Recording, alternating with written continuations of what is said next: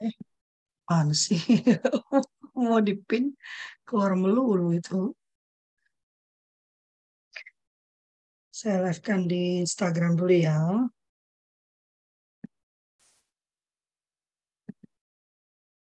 Oke, kita mulai ya. Selamat pagi, sahabat uh, Sulu Keluarga. Kita bertemu kembali dalam Kultur Parenting Pagi edisi hari Jumat tanggal 30 Juni tahun 2023. Ya, sudah 30 Juni ya. Minggu depan sudah masuk ke bulan Juli. Aduh, saya agak ketinggalan ya. Saya belum uh, belum sempat menghubungi teman-teman yang pembicara di bulan Juli. Tapi rencananya bulan Juli itu akan mendukung uh, menuju seminar internasional yang akan kami selenggarakan di tanggal 5 Agustus ya.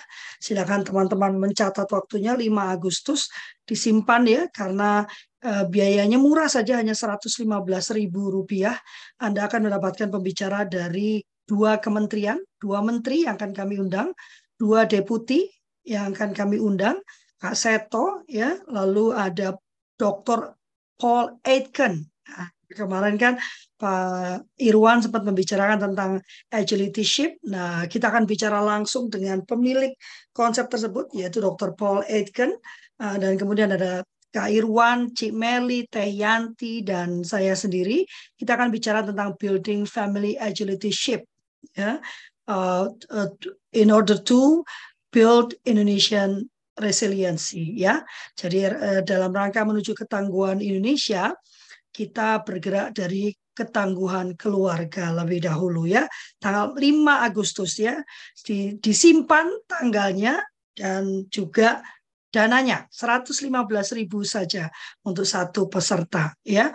Dan pagi ini saya sengaja meminta Kak Dani ya eh, menjadi pembicara karena dari kita dari saya ngobrol-ngobrol dengan dia kalau yang lalu kita pernah bicara tentang bagaimana mendidik wirausaha ya seorang wirausahawan atau entrepreneur gitu ya.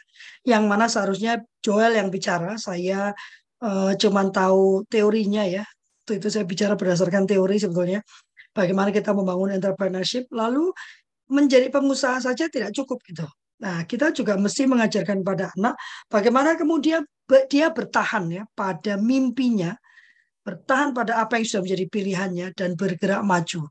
Nah, ini yang selalu menjadi pokok cerita kalau saya bertemu dengan Kak Dani bagaimana Kak Dani berjuang terus bertahan pada uh, keyakinannya untuk berada di jalur entrepreneur ya atau berada di jalur wirausaha ya. Dan bagaimana kemudian ternyata itu ditularkan kepada anak semata wayangnya yang sekarang juga sudah menjadi wirausahawan ya. Kita akan mendengarkan langsung dari pelaku ya. Jadi ini bukan hanya teori tapi juga sudah dipraktekkan. Silakan Kak Dani Oke, uh, makasih kalau Fli. Uh, selamat pagi semua uh, semua kakak-kakak semua ya. Eh, betul kalau Fli bilang bahwa wah cepet banget nih udah bulan Juni lagi udah udah setengah tahun lewat di tahun 2023 ya uh, dan uh, bersyukur pagi ini kita bisa kumpul semua di sini uh, saya mau berbagi sedikit tentang pengalaman ya pengalaman saya dalam saya melakukan bisnis maupun bagaimana saya share itu ke dari mulai ke dari ayah saya turun ke saya dan ke anak saya. Saya izin share screen. Sebentar.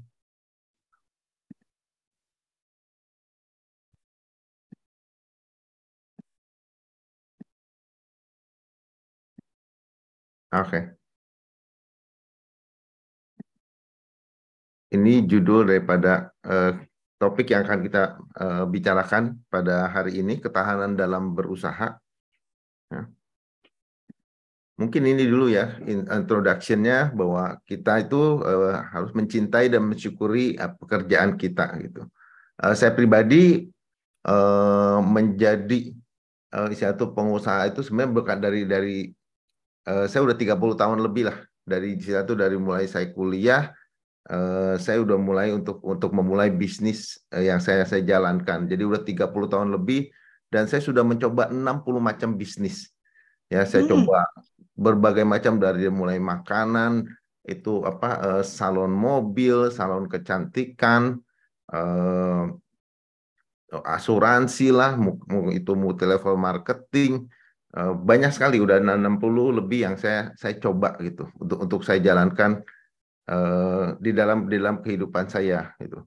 Jadi bahkan dari mulai uh, SMP saya waktu itu masih ingat pertama kali saya mendapatkan uh, istilah tuh uang itu karena saya mengejar layang-layang gitu.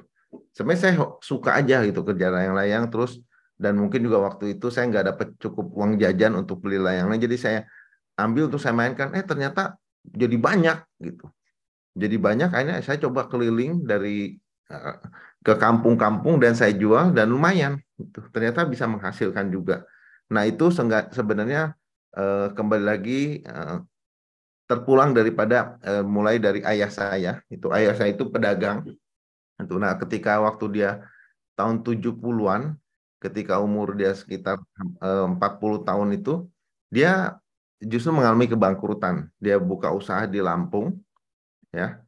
Dia buka usaha Lampung terus dia ngalamin kebangkrutan sehingga dia harus meninggalkan tiga anak dan istrinya itu dia pergi ke Sukabumi.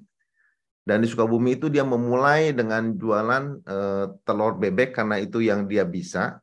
Gitu itu yang yang yang dia bisa. Jadi dia mulai jualnya itu di keranjang yang dia bawa keliling gitu keliling di pasar itu ditawar-tawarin di keranjang ketika dia modal punya modal sedikit dia buka dia jualan di kalau kita bilang tuh kas kayak apa dari kayu kotak kayu lah dia di, dan dia jualnya itu di depan pasar jadi dia nggak punya kios pasar di depan pasar ya udah gitu dia jual jual jual dari satu dua tiga empat lima enam terus jadi makin banyak sampai satu waktu uh, ibu saya datang nyusul ke Sukabumi, ada sedikit modal, mereka mulai sewa kios.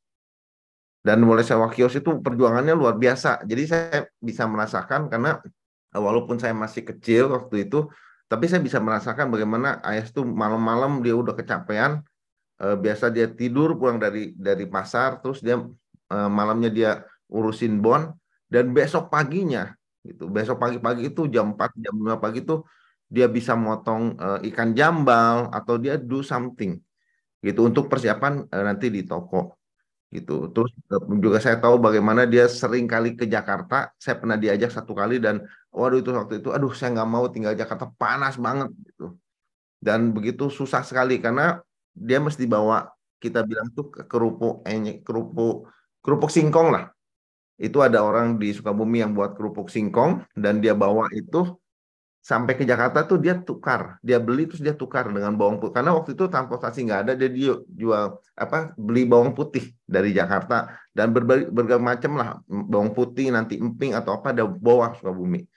Tapi justru belum karena belum ada yang lakukan, jadi ayah saya itu memulai gitu, memulai eh, bawang putih itu jadi jadi pusat bawang putih. Walaupun dia ngambilnya nggak banyak, tapi di tempat lain itu nggak ada.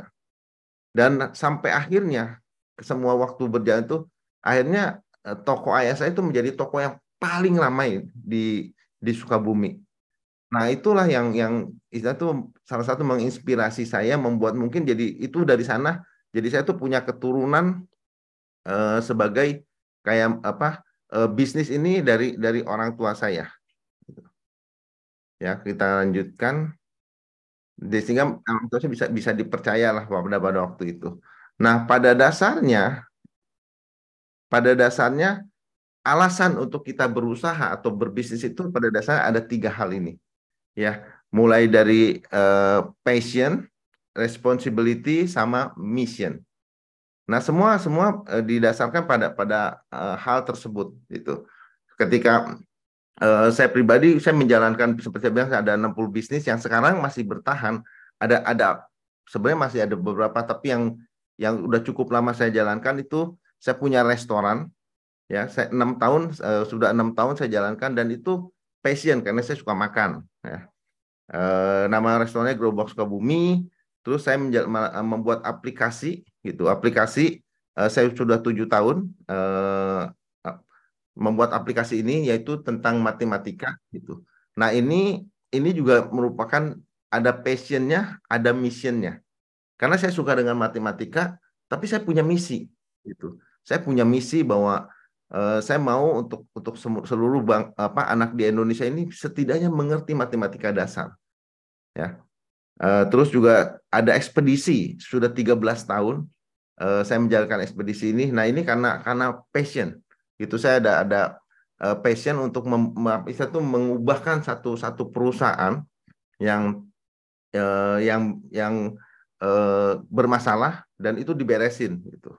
Dan yang yang yang paling lama itu saya punya toko udah 23 tahun lebih. Nah, kalau ini adalah responsibility. Ya, nanti saya akan akan jelaskan satu persatu gitu. Dan dan uh, jiwa bisnis ini betul menur, tadi Kak Lovely bilang itu. Itu juga menurun kepada kepada anak saya itu.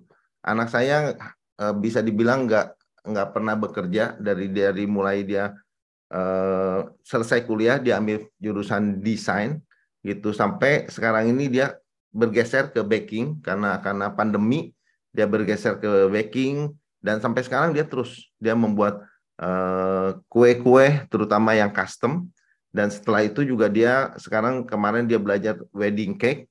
Jadi ketika dia uh, menikah dia udah bikin wedding cake sendiri. Dan sekarang dia lagi mau coba buka cafe. Jadi sekarang dia mau belajar bakery. Belajar bagaimana bikin uh, roti gitu. Nah itu uh, istilah itu saya percaya bahwa itu karena istilah itu karena saya mungkin dia lihat saya, oh uh, saya juga nggak nggak apa uh, nggak dalam kondisi bekerja dan berbisnis. Nah itu membuat dia terus untuk mau berbisnis ya. Nah sekarang kita lihat satu persatu. Nah passion itu di di passion biasanya ada ada dua apa sebenarnya banyak alasan lah beda-beda setiap orang yang pasti adalah beberapa alasan bahwa eh, dengan mengatakan bahwa oh hidup ini hanya hanya eh, satu kali gitu hanya satu kali ya jadi harus dinikmatin. Cara nikmatinnya ya dengan melakukan pekerjaan yang disuka. Itu yang disuka. Jadi janganlah lakukan pekerjaan yang nggak disuka. Jadi kalau kalau kerja harus yang disuka dong gitu. Nah, biasanya hal ini enggak dari semua semua passion maupun uh, responsibility dan dan juga mission itu enggak ada yang salah, ya. Itu bagaimana orang-orang orang ini menjalankan uh, usahanya dia gitu. Nah, di di passion ini gitu, istilah tuh yang tadi saya bilang tuh bahwa hidup satu kali dan perlu dinikmati.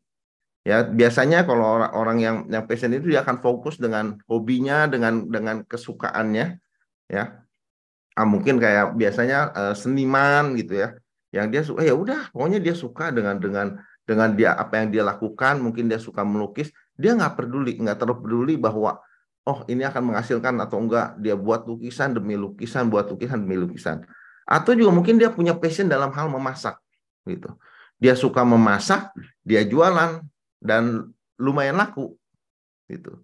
Tapi ketika dibilang ayo kita kembangin yuk kita buka cabang yang berikutnya. Ah biasa mereka aduh kalau buka cabang nanti bukan dia yang masak sedangkan mungkin yang nanti kita buat sistem supaya supaya eh, cabang itu rasanya sama. Ah biasa mereka juga nggak terlalu mau gitu. Karena buat mereka ah enggak saya lakukan ini karena saya passion aja dalam hal memasak. Dan dia nggak nggak nggak mau nggak nggak perlu lah untuk mengembangkan gitu eh, bisnis ini gitu.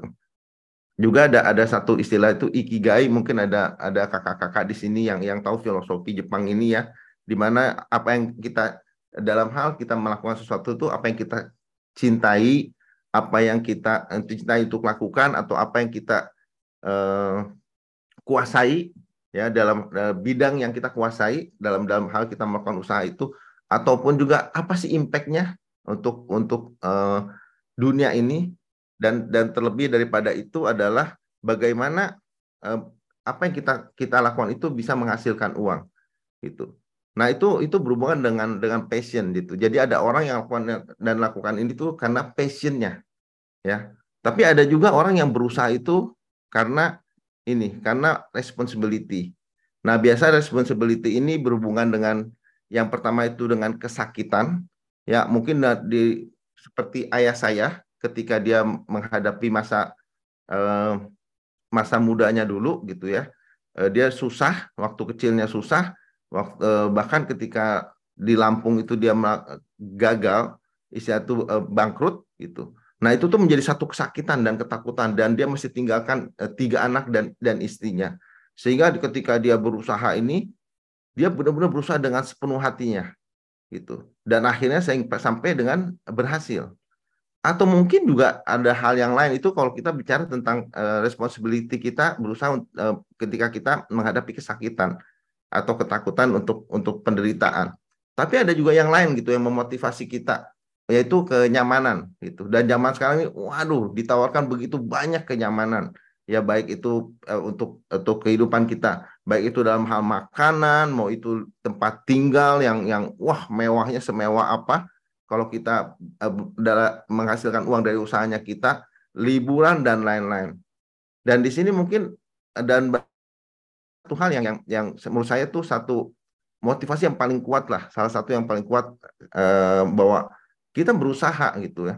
Untuk kita terus tak, bahkan tahan untuk dalam usaha ini yaitu karena responsibility ini. Mungkin kakak-kakak bisa untuk istilahnya itu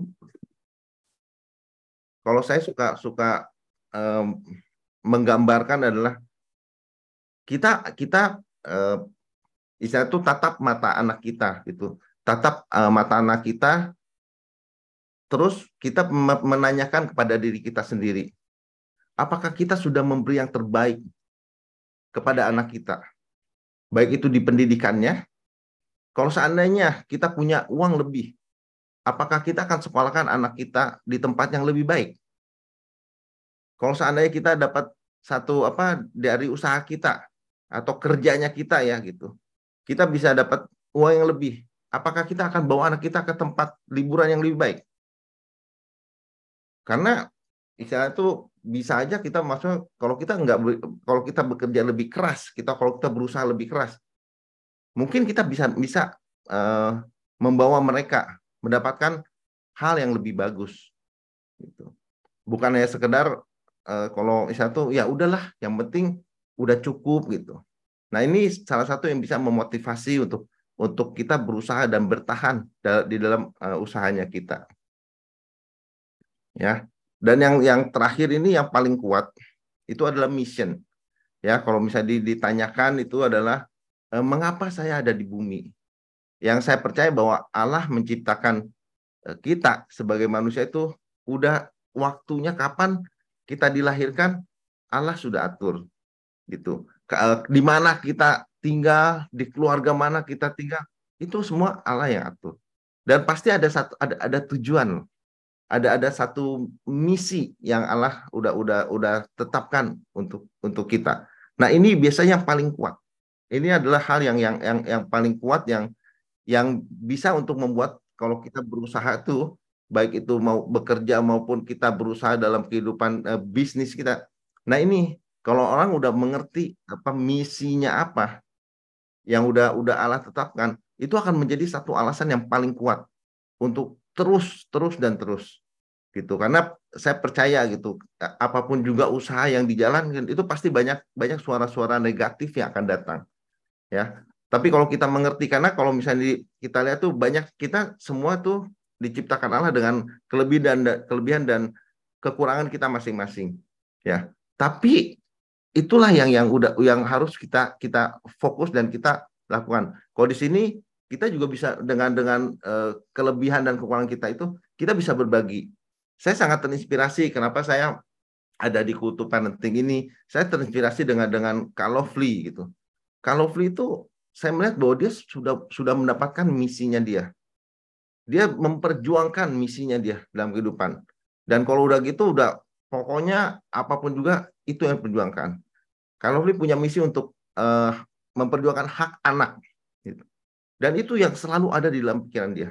Dia pokoknya mau anak bisa bisa bahagia dan mendapatkan haknya sesuai dengan dengan apa yang yang uh, seharusnya mereka dapatkan. Saya juga terinspirasi dengan dengan Kak Irwan ya, yang dia merasa wah semua anak harus menjadi anak yang tangguh.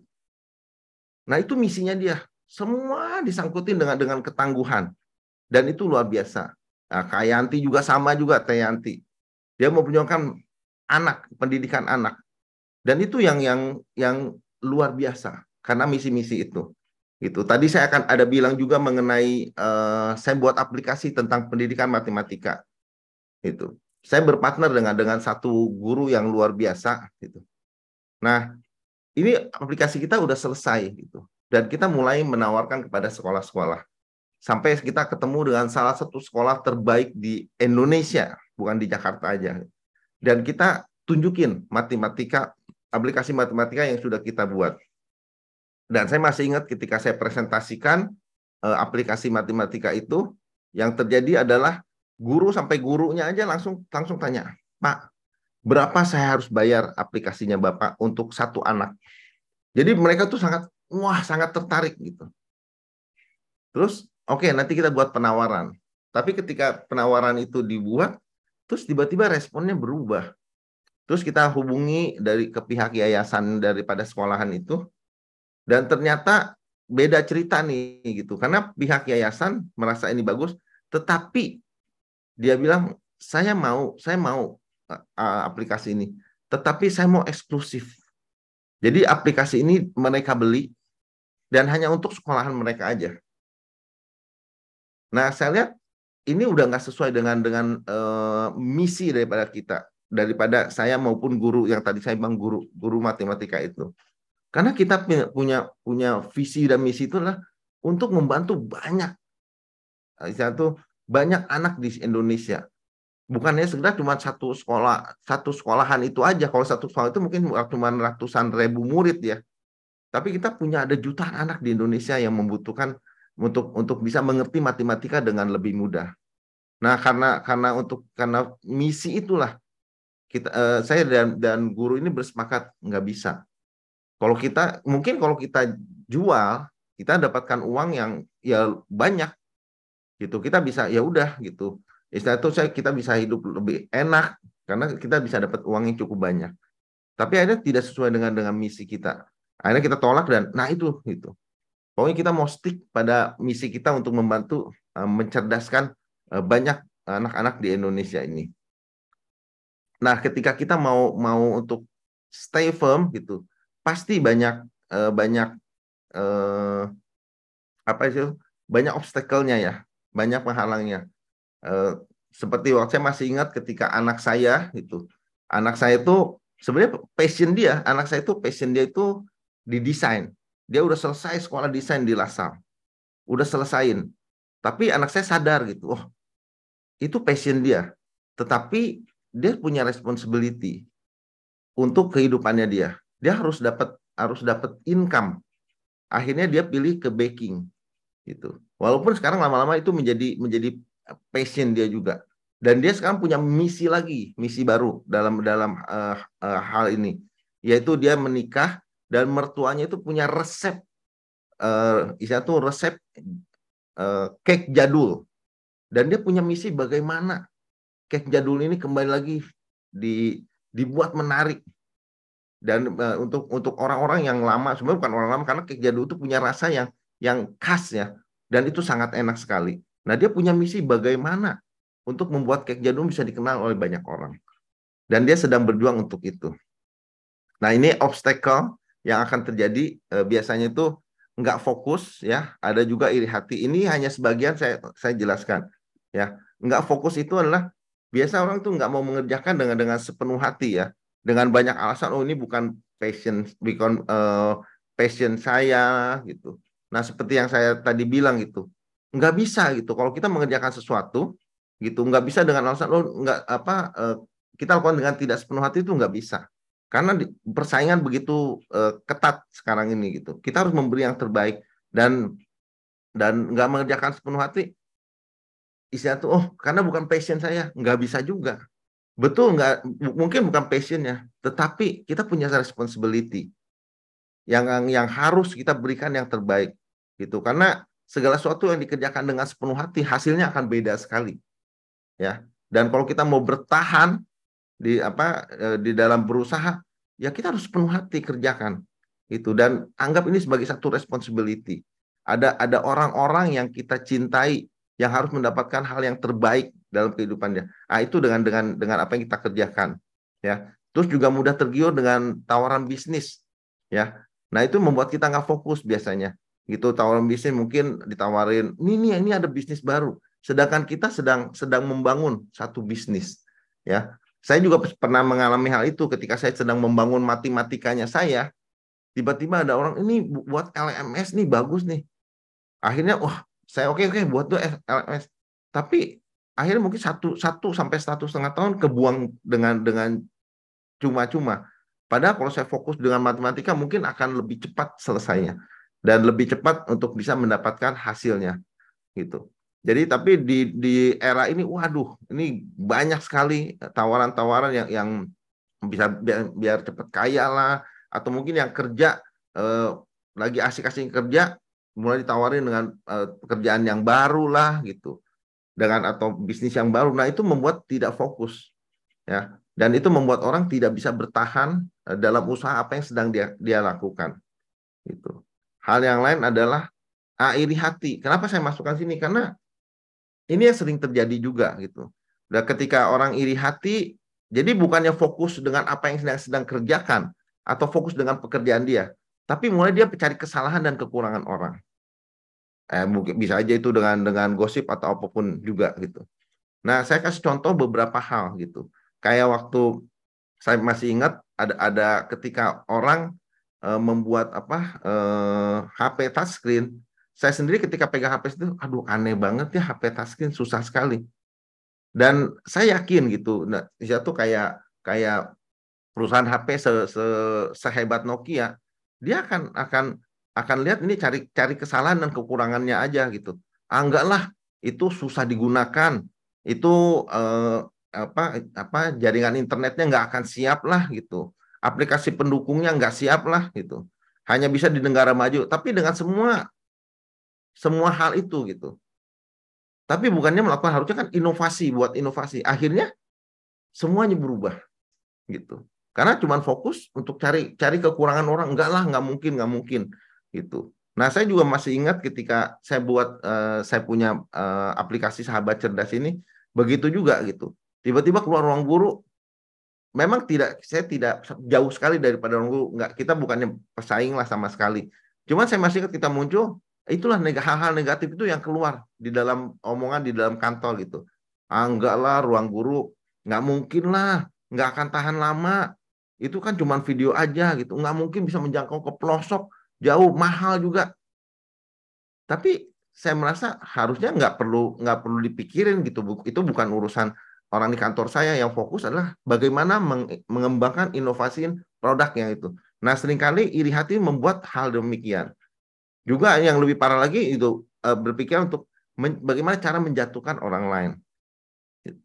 Nah, mungkin ini uh, saya sekedar apa hal yang lucu yang yang uh, saya lihat gitu ya di dalam apa uh, perkembangan belakangan ini. Kalau mungkin Bapak kakak-kakak suka lihat berita dikatakan Elon Musk ngajak duel, ngajak duel Mark Zuckerberg. Gitu. Itu dikarenakan eh, Mark Zuckerberg buat satu aplikasi yang Elon Musk baru aja beli Twitter. Gitu, nggak tahu berapa ratus triliun. Nah, dia si Mark Zuckerberg mau buat yang mirip gitu. Yang untuk menjatuhkan si eh, Twitter ini. Dan ini lucu lah. Buat saya itu eh, suatu lucu sampai akhirnya mereka fokus wah bagaimana ribut dan lain-lain. Dan menurut saya harusnya ya udah mereka fokus aja Twitter silahkan kembangin, pikirin bagaimana bisa lebih besar lagi daripada sekarang. Ya maksud gue juga pikirin aja bagaimana nggak perlu untuk menjatuhkan tapi pikirin bagaimana untuk mengembangkan apa yang dia sedang buat. Nah sering kali karena iri hati ini gitu eh, akhirnya orang stop berusaha untuk mengembangkan lebih baik tapi malah fokus dengan kepada orang lain yang akhirnya semua dua-duanya um, apa uh, itu tidak beres lah uh, rusak lah. Eh, sorry. Nah, sebenarnya yang perlu kita lakukan adalah kita untuk kita bertahan terus adalah fokus. Fokus on mission, commission will follow. Nah, itu yang saya percaya gitu. Jadi fokus aja dengan dengan misinya kita. Kalau kita mau membahagiakan keluarga, fokus dengan dengan hal itu. Kalau kita kita mau um, membantu banyak orang, fokus dengan itu. Komisi itu akan akan will follow.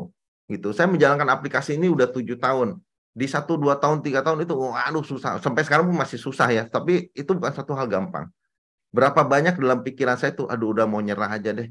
Aduh udah udah nyerah. Maunya udah udah menyerah aja gitu.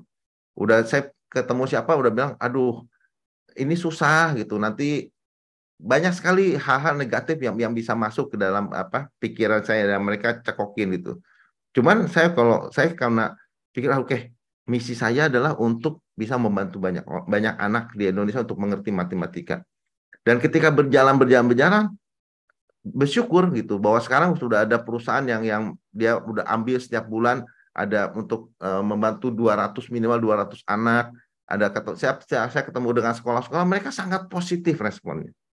Ya ada masih ada satu dua kendala tapi mereka sangat positif. Bahkan kemarin saya ada tiba-tiba ada teman saya yang ingat eh lu ada buat aplikasi ya? Iya saya kirimin aplikasi matematikanya. Terus dia bilang aduh eh, saya bilang nanti kita ketemu deh itu anaknya kebutuhan khusus sangat sulit dia bilang dia dia juga nggak mengharapkan anaknya pinter sekali tapi setidaknya dia bisa mengerti matematika dan dia udah coba dan ini sangat membantu matematika yang yang yang dibuat itu sangat membantu dan itu wah itu membuat saya merasa wah eh, bersyukur bersyukur sekali untuk saya stick pada pada missionnya saya gitu. Nah ini terakhir adalah the winner never quit, the quitter never win. Jadi terus lakukan gitu. Maka kita bisa jadi pemenang. Tapi kalau kita stop ya kita nggak akan jadi pemenang. Ada satu cerita menutup uh, sebelum ini uh, dikisahkan bahwa ada ada satu kali ada pertandingan uh, panjat tebing tapi di air terjun gitu. Ya di satu desa dia bilang ini ada lomba dibuat pengumuman ini ada lomba uh, panjat tebing uh, di di air terjun yang ada di desa itu gitu. Dengan hadiah dapat satu um, apa uh, peternakan gitu. Jadi banyak orang yang tertarik untuk ikut lomba itu. Ya mereka pikir wah ini bisa merubah hidup mereka gitu. Uh, dan ada 10 10 pemuda yang wah gagah-gagah ikut perlombaan itu ya. Terus itu ada ada tiga tahapan lomba itu ya dari 1 sampai 10 meter eh, yang terus yang kedua itu 10 sampai 15 meter dan dia menangnya itu di 20 20 meter gitu. Jadi mulailah lomba. Tapi ketika mulai waktu mau mulai lomba ada hujan turun. Jadi wah itu arian airnya semakin deras air terjunnya. Jadi ketika mulai itu orang-orang pada teriak udahlah stop stop jangan lomba lagi gitu bahaya itu dan memang tidak mudah gitu dan ketika orang-orang yang mereka lomba 10 orang itu, ketika mendengar kata stop, mulai di yang level pertama, lima orang udah coba untuk langsung mengundurkan diri. Terus jalan ke ke yang 10 meter ke 15 meter. Mereka lomba terus gitu. Dan orang di sini teriak, udah jangan stop, liatin, wah makin kenceng air terjunnya. Beberapa orang lihat, maksudnya yang ikut lomba itu dia lihat ke belakang dan waduh, lihat ke atas lagi, waduh, ngeri banget ya. Gitu. Dan akhirnya stop empat orang. Cuma satu orang yang terus dia ngerayap. Ngerayap. Dan akhirnya dia jadi, dia pemenang. Dia dapat uh, peternakan itu. Akhirnya diwawancara lah. Dan ternyata apa yang terjadi ketika diwawancara? Ternyata dia nggak bisa dengar. Dia itu uh, tuli. Nah, itu kenapa dia bisa sampai ke atas? Karena dia tuli, dia nggak nggak bisa dengar gitu. Kalau dia dengar orang-orang yang teriak kampung itu teriak, mungkin dia pun akan turun juga. Nah, kadang-kadang kita ketika berusaha, ya kita harus menutup. Kalau kita yakin dengan misinya kita, kita harus tutup telinganya kita, maju terus. Karena istilah itu eh, akhirnya kita akan jadi pemenangnya. Gitu. Saya rasa begitu aja. Terima kasih kakak-kakak semua. Terima kasih Kak Lovely. Tuh, benar kan? Daging kan, memang kalau tadi benar ya, kalau bicara passionnya pasti akan uh, apa akan dalam yang disampaikan ya. Uh, beberapa juga aku ke kesentil ya, uh, utamanya fokus ya, karena ini bersembunyi di balik ADHD kan, banyak sekali yang distraksi Kak Dani. Jadi semua kalau itu mau melakukan semua semuanya gitu ya. Berasa semuanya perlu dan penting gitu ya. Dan ini kultur parenting pagi ini salah satu cara saya belajar untuk konsisten. Apa pun yang terjadi, jam berapapun, berapapun yang datang, kultur parenting pagi tetap saya usahakan ada setiap Senin dan Jumat ya. Walaupun kadang-kadang saya ada di jalan ya kayak minggu lalu, dengan Teh Yanti Senin kemarin ya dengan Teh Yanti untungnya Teh Yanti ada di samping saya jadi dia bisa buka kamera ya karena saya memang bangunnya kesiangan hari Senin itu.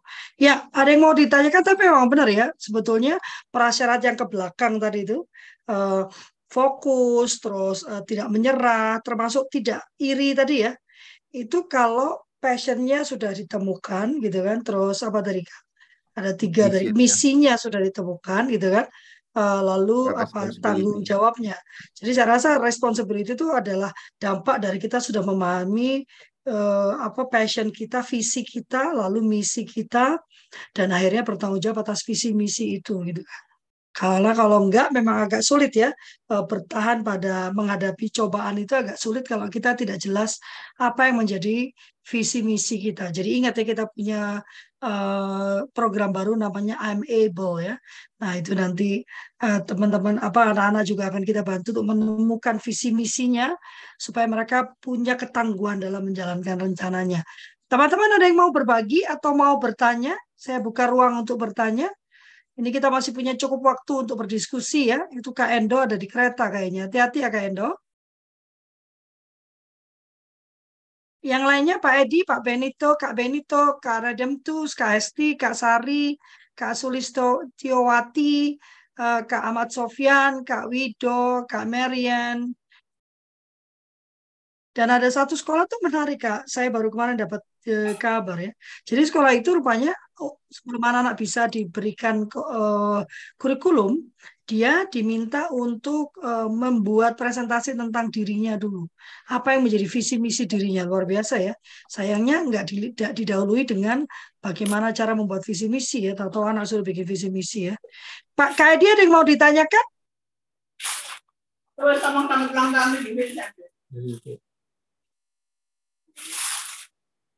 Oh, ini saya yang diberi kesempatan ya? Silakan Kak, karena Kakak yang sudah membuka mic. Ini ada pertanyaan tapi Kakak udah buka mic. Silakan Kak. Oh ya. Uh, ini kalau tadi saya dengar anu pemaparan itu kan dari maksudnya sudah ada ini ya. Sudah ada DNA untuk berwirausaha. Hmm. Lah sekarang kalau belum ada itu, apakah itu bisa dilatihkan ke anak-anak gitu? Ya itu Menarik, menarik, menarik. Ya, terima kasih. Menarik. Gimana Kak Dani? Ya. Oh. Uh, pada dasarnya yang saya percaya gini, uh, betul ada. Saya juga uh, maksudnya nggak semua orang itu cocok untuk uh, berusaha kalau itu udah berbisnis ya. Gitu. Saya ketemu bahkan teman-teman uh, saya yang udah ada umur gitu. Ya mereka mungkin lebih cocok untuk untuk istilahnya itu bekerja ya, kerja dengan uh, itu akan lebih maksimal. Tetapi gitu tetapi uh, saya yakin juga gitu bahwa kita ini uh, diciptakan uh, istilah itu pasti bisa untuk untuk berusaha sendiri gitu. Tapi memang mesti di train nah kalau saya lihat sih zaman sekarang ini uh, terutama di kuliah itu udah sangat luar biasa sekali. Saya uh, teman-teman anak saya gitu uh, mereka itu yang kuliah terutama di yang saya dengar itu baru di Prasetya Mulia itu mereka cuma setengah tahun teori setelah itu setengah tahun mereka harus buka usaha. Itu persyaratan gitu. Mereka harus mereka harus buka usaha. Jadi saya tuh mereka nggak uh, dari pihak uh, universitas pun tidak nggak nggak apa tidak peduli orang ini mau punya apa gennya apa pokoknya harus usaha. Dan mereka dipaksa untuk pergi mereka pergi apa uh, saya maksud masih ingat ada ada anak teman saya itu jualan nasi kari gitu. Walaupun nggak berhasil dan sekarang saya lagi nyari teman anak ini karena waktu itu nasi karinya enak banget gitu. Nah, dilatihnya bagaimana? Mereka dibikin tim. Jadi eh, orang-orang yang memang udah punya gennya yang itu nah mereka belajar gitu bergabung dan belajar gitu itu untuk untuk memulai. Eh, bahkan eh, sebenarnya kalau secara karena memang di Indonesia ini belum gitu tapi saya merasa Eh, kita bisa melatih anak-anak kita ya hal yang paling simpel semua bisnis itu kan ujung-ujungnya kita bagaimana kita bisa berdikari untuk mendapatkan uang. Ya mulai diajarkan untuk menjual sesuatu gitu, untuk mendapatkan uang. Itu yang paling simpel. Atau dia kalau punya satu skill apa ya satu mengajar yaitu untuk dia kayak buka lesan untuk satu orang aja dulu. Nah, baru baru bisa tuh untuk diajarkan pelan-pelan. Tapi intinya saya percaya bahwa semua orang itu bisa berusaha. Gitu. Mau gennya apa pun juga. Begitu Kak Edi.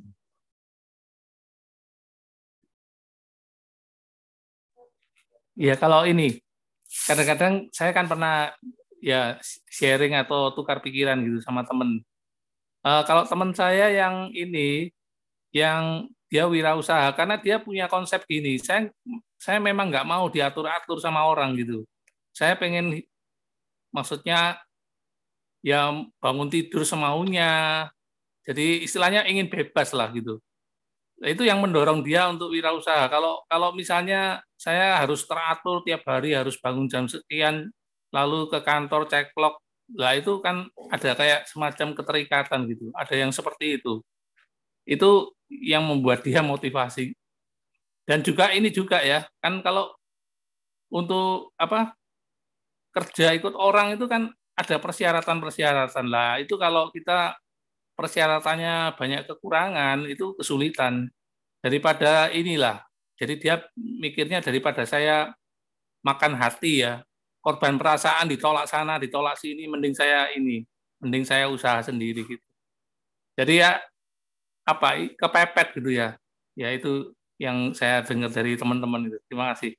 Ya setuju juga betul. Betul itu banyak motif apa hal-hal yang bisa memotivasi orang untuk berusaha sendiri. Saya juga sama saya nggak bisa diem. Dan saya nggak akan tahan di kantor deh gitu. Ya itu saya waduh nggak bagusan. Ada nggak nggak nggak bisa deh gitu bagusan saya nggak jangan kalau ngantor bisa cilaka saya. Ya setengah jam diem aja udah nggak nggak nggak betah gitu. Tapi itu sangat masuk akal lah alasan teman bapak itu saya juga setuju juga. Banyak orang punya alasan begitu juga. Mau punya Habis waktu itu setelah dia setelah dia masuk ternyata wah tapi luar biasa. Dulu anak saya nganggapnya gitu. Aku kerja freelance aja mah gitu. Terus baru dia mikir, mah aku uangnya kurang. Ya kalau orang freelance itu nggak begitu caranya. Nomor satu dipastikan dulu berapa pemasukan yang diperlukan. Itu minimum income-mu itu berapa supaya kamu bisa hidup layak gitu kan. Terus bilang setelah itu kamu cari itu untuk bulan berikutnya bukan untuk bulan ini. Kalau bulan ini udah telat itu. Hah ternyata gitu ya. menjadi pengusaha misalnya Kak Dani ini waktu istirahatnya kurang banget kalau saya mau ketemu dia tuh hari ini saya ke sini Kak Lovely habis itu ke sini habis itu ke sini gitu. Jadi kemerdekaan untuk mengatur waktunya sendiri yes, tapi tidak kemudian bisa menjadi malas. Ini ada pertanyaan Kak Dani. Bagaimana ya. menumbuhkan semangat anak agar mau berusaha? Berusaha ini mau jadi wirausaha atau mau nyoba Kak Fatimah? Karena ada dua nih. Berusaha itu artinya mau bikin usaha atau bikin apa uh, apa uh, eh, PT atau apalah ya. Atau berusaha to try gitu kan untuk untuk untuk terus uh, mungkin kita ambil yang kedua dulu kak. Bagaimana membuat anak itu punya semangat untuk berusaha nyoba paling enggak gitu? Ya uh, pada dasarnya uh, kan saya juga setuju gitu.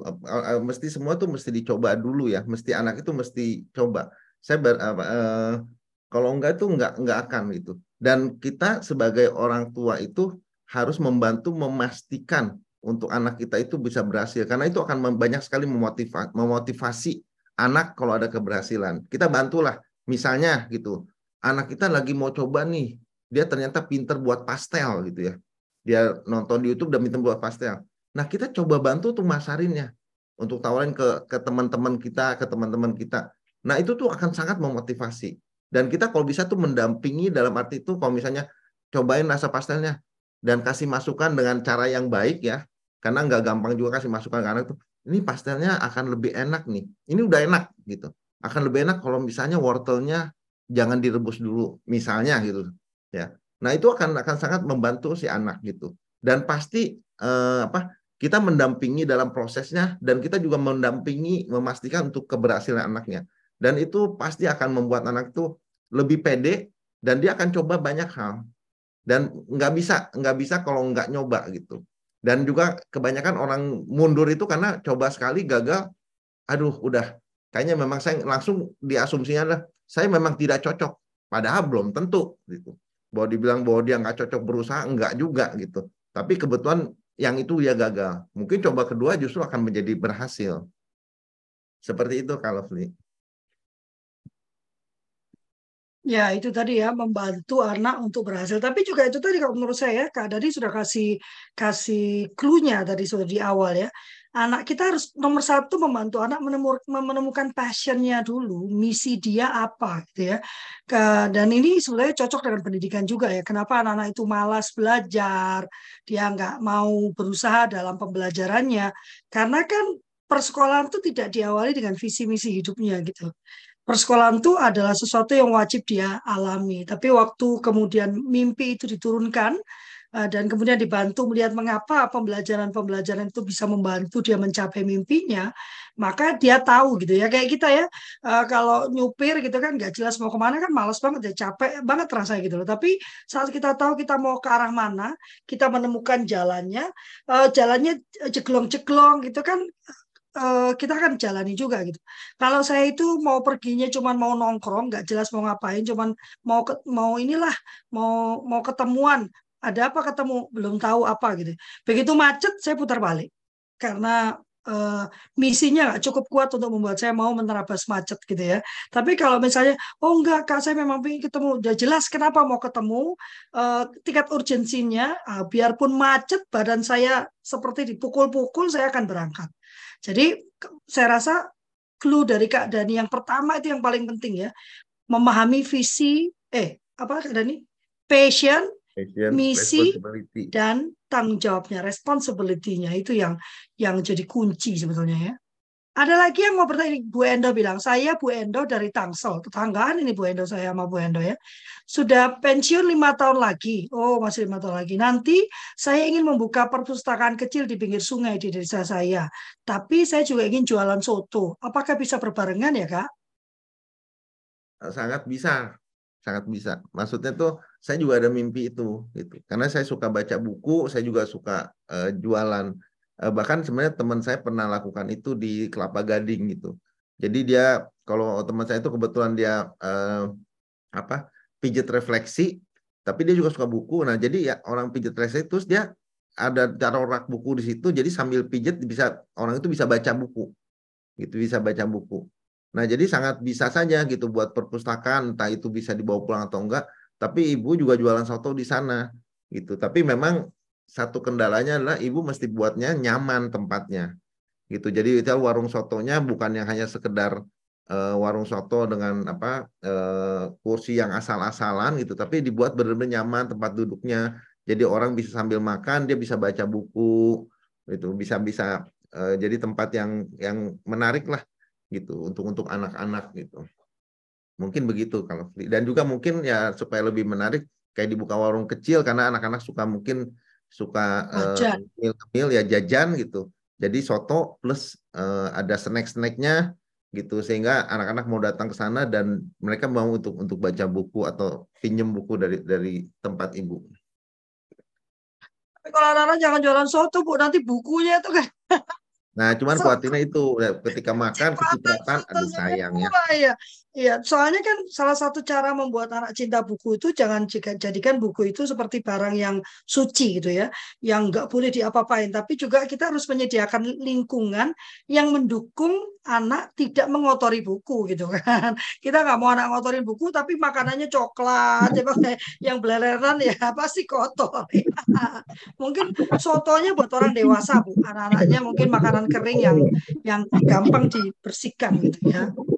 Mungkin ruangannya begitu. Nanti bikin Ya, bisa juga. Ah, bisa juga. Bisa lah semuanya, Bu. Ya segera dibuka, Bu. Jangan nunggu pensiun supaya saya bisa nongkrong sambil makan soto sambil baca buku. Enak itu pasti ya. Ada lagi yang mau bertanya, oh ini ya, bagaimana cara menemukan misi jiwa kita, Kak? Oh, dalam ini Luar pertanyaan. biasa itu. Jam 8 loh. Nanti ini jawabannya bisa satu hari sendiri. Dulu ada, aja kak, uh, tips ya, aja. Kalau sebenarnya ada dua cara gitu. Cara pertama adalah ya banyak meren, merenung ya gitu. Maksudnya memikirkan gitu. Kita coba rasakan uh, apa sih yang yang kita memang apa uh, suka atau tidak suka ya untuk uh, dipikirin lagi gitu. Kita ini uh, ditempatkan di di mana gitu terus uh, bidang apa yang kita kuasai betul nggak itu yang yang uh, istilah itu itu yang kita mau jalankan. Istilah itu perenungan lah ya. Gitu itu mungkin nggak tahu saya mungkin ada orang yang mungkin satu minggu satu hari satu bulan baru bisa menemukan apa gitu. Yang kedua oh. coba semua gitu. Coba ini coba itu coba sampai merasa ah gitu. saya pribadi eh, saya sangat bersyukur kembali lagi dengan dengan kultur parenting pagi ini gitu. Karena saya juga menemukan sesuatu di sini gitu betul saya udah dari dulu saya mencintai apa eh, di bidang pendidikan dan anak gitu tapi di kultur parenting ini digugahkan lebih lagi gitu waduh ternyata banyak sekali yang kita lakukan gitu. Kak Dani, uh, boleh open mic ya Kak Dani ya? Oh silakan silakan silakan. Iya pagi kalau Fli, Kak Dani, semua kakak-kakak. Karena sudah iya. jam 8 okay, ya. Iya iya iya. Enggak maksudnya gini, uh, misi jiwa itu apa namanya pada saat satu file satu file terus kita coba lagi coba lagi. Gimana caranya menemukan misi jiwa di saat kita masih anak-anak. Jadi kan supaya gini, uh, kita udah tahu nih. Jadi dari umur misalnya kayak anak saya udah 10 tahun gitu, 9 tahun. Dan dia sudah tahu gitu, kita bisa mengarahkan anak kita, oh kayaknya nih misi jiwa anak saya ke sini. Jadi kita uh, sudah bisa mengarahkan dia lebih cepat dibanding kayak saya. Sampai sekarang ini saya belum tahu misi jiwa saya ini sampai di mana gitu loh. Karena uh, apa namanya Kak, istilahnya mungkin gini, saya dulu bergerak di bidang SDM. Oke, saya akhirnya memutuskan kuliah lagi, tapi tidak di bidang hukum, tapi di bidang psikologi. Karena saya pikir saya ingin bergerak di dunia psikologi. Tapi sekenyataannya setelah saya lulus, ternyata Allah punya jalan lain dua takdir hidup saya. Saya akhirnya saya harus pindah jauh sesuai dengan ekspektasi saya, tidak sesuai. Nah itu, tapi saya tetap survive. Intinya gitu kan Kak. Nah itu, maksud saya itu. Jadi gimana caranya jangan supaya menjadi seperti saya yang menurut saya sampai detik ini saya belum tahu ke mana misi jiwa saya berada gitu loh kak. Ya, oke. Okay. Uh, eh, yang paling singkat, cara paling singkat untuk tahu itu adalah assessment gitu. Jadi uh, Kak Sari uh, cari uh, psikolog anak ya, dan mereka punya assessment ya. Mereka tes, tapi ini pasti perlu pendampingan karena Kak Sari nanti ada pasti ada ada sesi di mana Kak Sari yang akan ditanya ya sama sama uh, psikolog anak ini dan untuk lebih untuk lebih tahu karena kan anak mungkin belum mengenal diri dia lebih apa e, begitu dalam.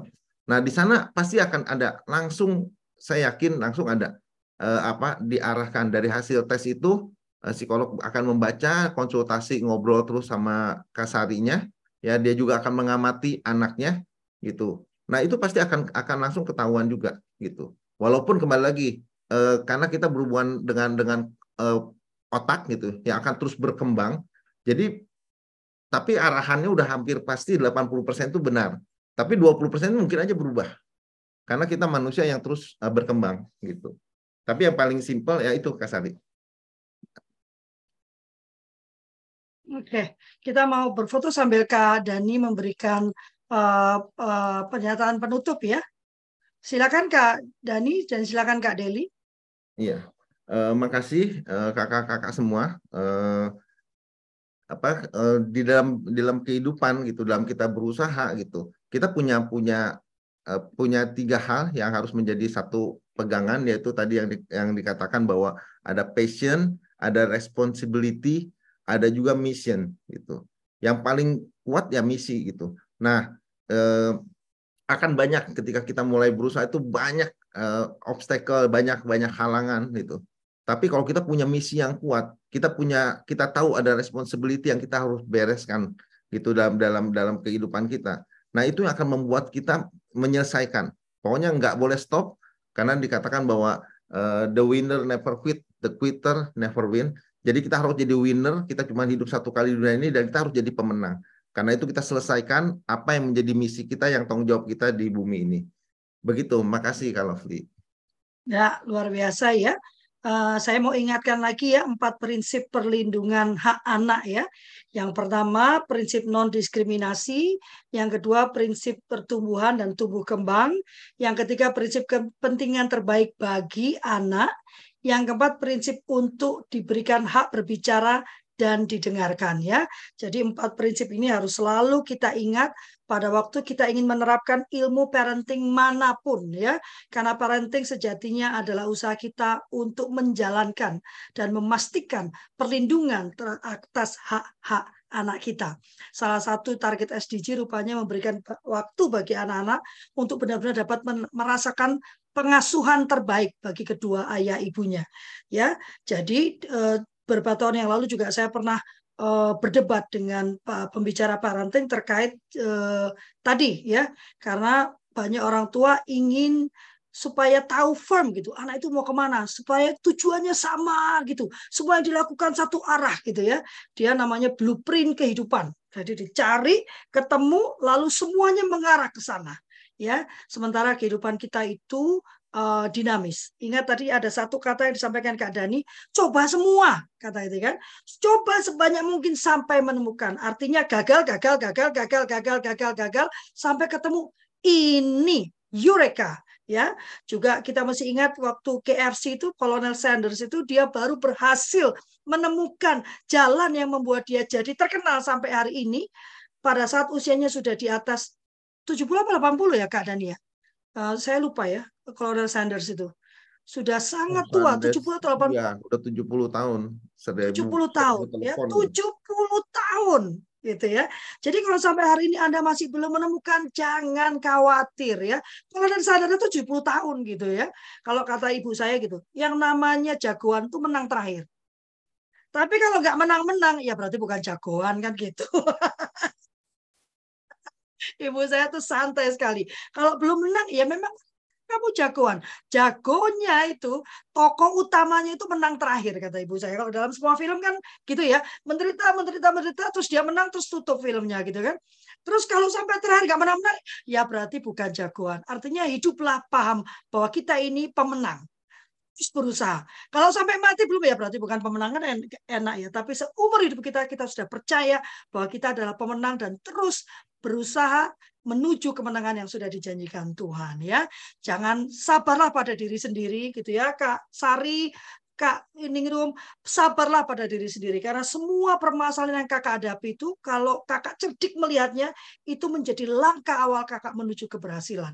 Orang asing itu dibully di KDRT jadi buku. Tajir dia gitu kan? Jadi pembicara di mana-mana. nah, kalau kita tuh sayangnya kalau lagi di susah-susah nangis melulu gitu kan? Nah ayo kita mulai menulis kita mulai membuat kehidupan kita tuh menjadi pembelajaran bagi orang lain. Dari situlah kita mendapatkan berkat ya. Semangat Kak Sari ya. Kak Sari ini luar biasa. Saya udah temani dia berapa tahun Siap Ya, ya, ya kalau Rika ya. Dani, semua itu karena kultur parenting, semua itu karena keep spirit, you are the win. Iya, ayo kita semangat ya, kita semua adalah pemenang. Terima kasih banyak teman-teman, saya mengucapkan terima kasih dan memohon maaf yang sebesar-besarnya. Sayangnya hari ini cuma dikit ya, mungkin lagi liburan ya, karena hari ini libur panjang ya. Uh, terima kasih atas uh, perkenanannya sudah hadir. Kami memohon maaf yang sebesar-besarnya apabila ada perkataan, sikap, gestur yang kurang berkenan. Kami tidak ingin merendahkan, tidak ingin memojokkan, tidak ingin menghakimi, juga tidak ingin menggurui. Kami hanya ingin membagikan apa yang menjadi keyakinan kami dan yang kami terapkan dalam kehidupan kami sehari-hari. Jangan lupa ya, kita punya, oh Pak Ed berarti baru muncul. Kita punya uh, international webinar bulan depan ya di bulan Agustus uh, sorry bulan depan tuh bulan, dua bulan lagi. Di bulan Agustus ya 5 Agustus. Ditunggu ya 5 Agustus. Simpan duitnya 115 ribu saja. Nanti juga ada seminar kebangsaan. Wah tiba-tiba Lofi terbakar oleh kebangsaan karena saya ingin tahu bagaimana orang tua menerapkan patriotisme ini pada anak-anaknya di masa sekarang ya. Dan itu penting sekali. Terima kasih. Wassalamualaikum warahmatullahi wabarakatuh Tuhan memberkati. Kadang kita waktu ya.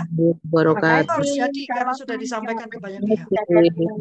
Terima kasih semuanya kakak-kakak. Terima kasih Kak Endo udah nyampe. Wah hebat loh Kak Endo. Terima kasih ya. Kak Daniel hati-hati Kak Daniel. Kak Daniel dalam perjalanan Pak Dani. Terima kasih Pak Kak Berito, terima kasih. Selamat pagi. Daniel, ayo kapan kita ketemu? Siap. Kapan aja siap, Kak Lovely. Orang dirimu sibuk terus kok kapan aja. ya tinggal di, di ini aja diatur. Ini lagi mau ke Bogor ini ada oh, ngasih apa, seminar untuk anak-anak CD HKBP Tebet. Ajak ajak Kak Waduh, Daniel. waduh. Ayo Kak, Su- Kak Sulis nih juga Jaksel deket-deket lah. Iya, ajak Oke, ajak. siap. ya. Aku baru Saya pamit ya. Kak. Oke, yuk. Aku baru Kenapa, bergabung. Ya, pamit. Oke, ya, pamit. Ibu, Pak Dani, Pak Daniel. Ya, terima kasih. Terima kasih undangannya Pak Daniel. Kalau Pli. Iya, Tuhan berkati Kak itu. Datang lagi Senin ya. Ya. Hi, hi.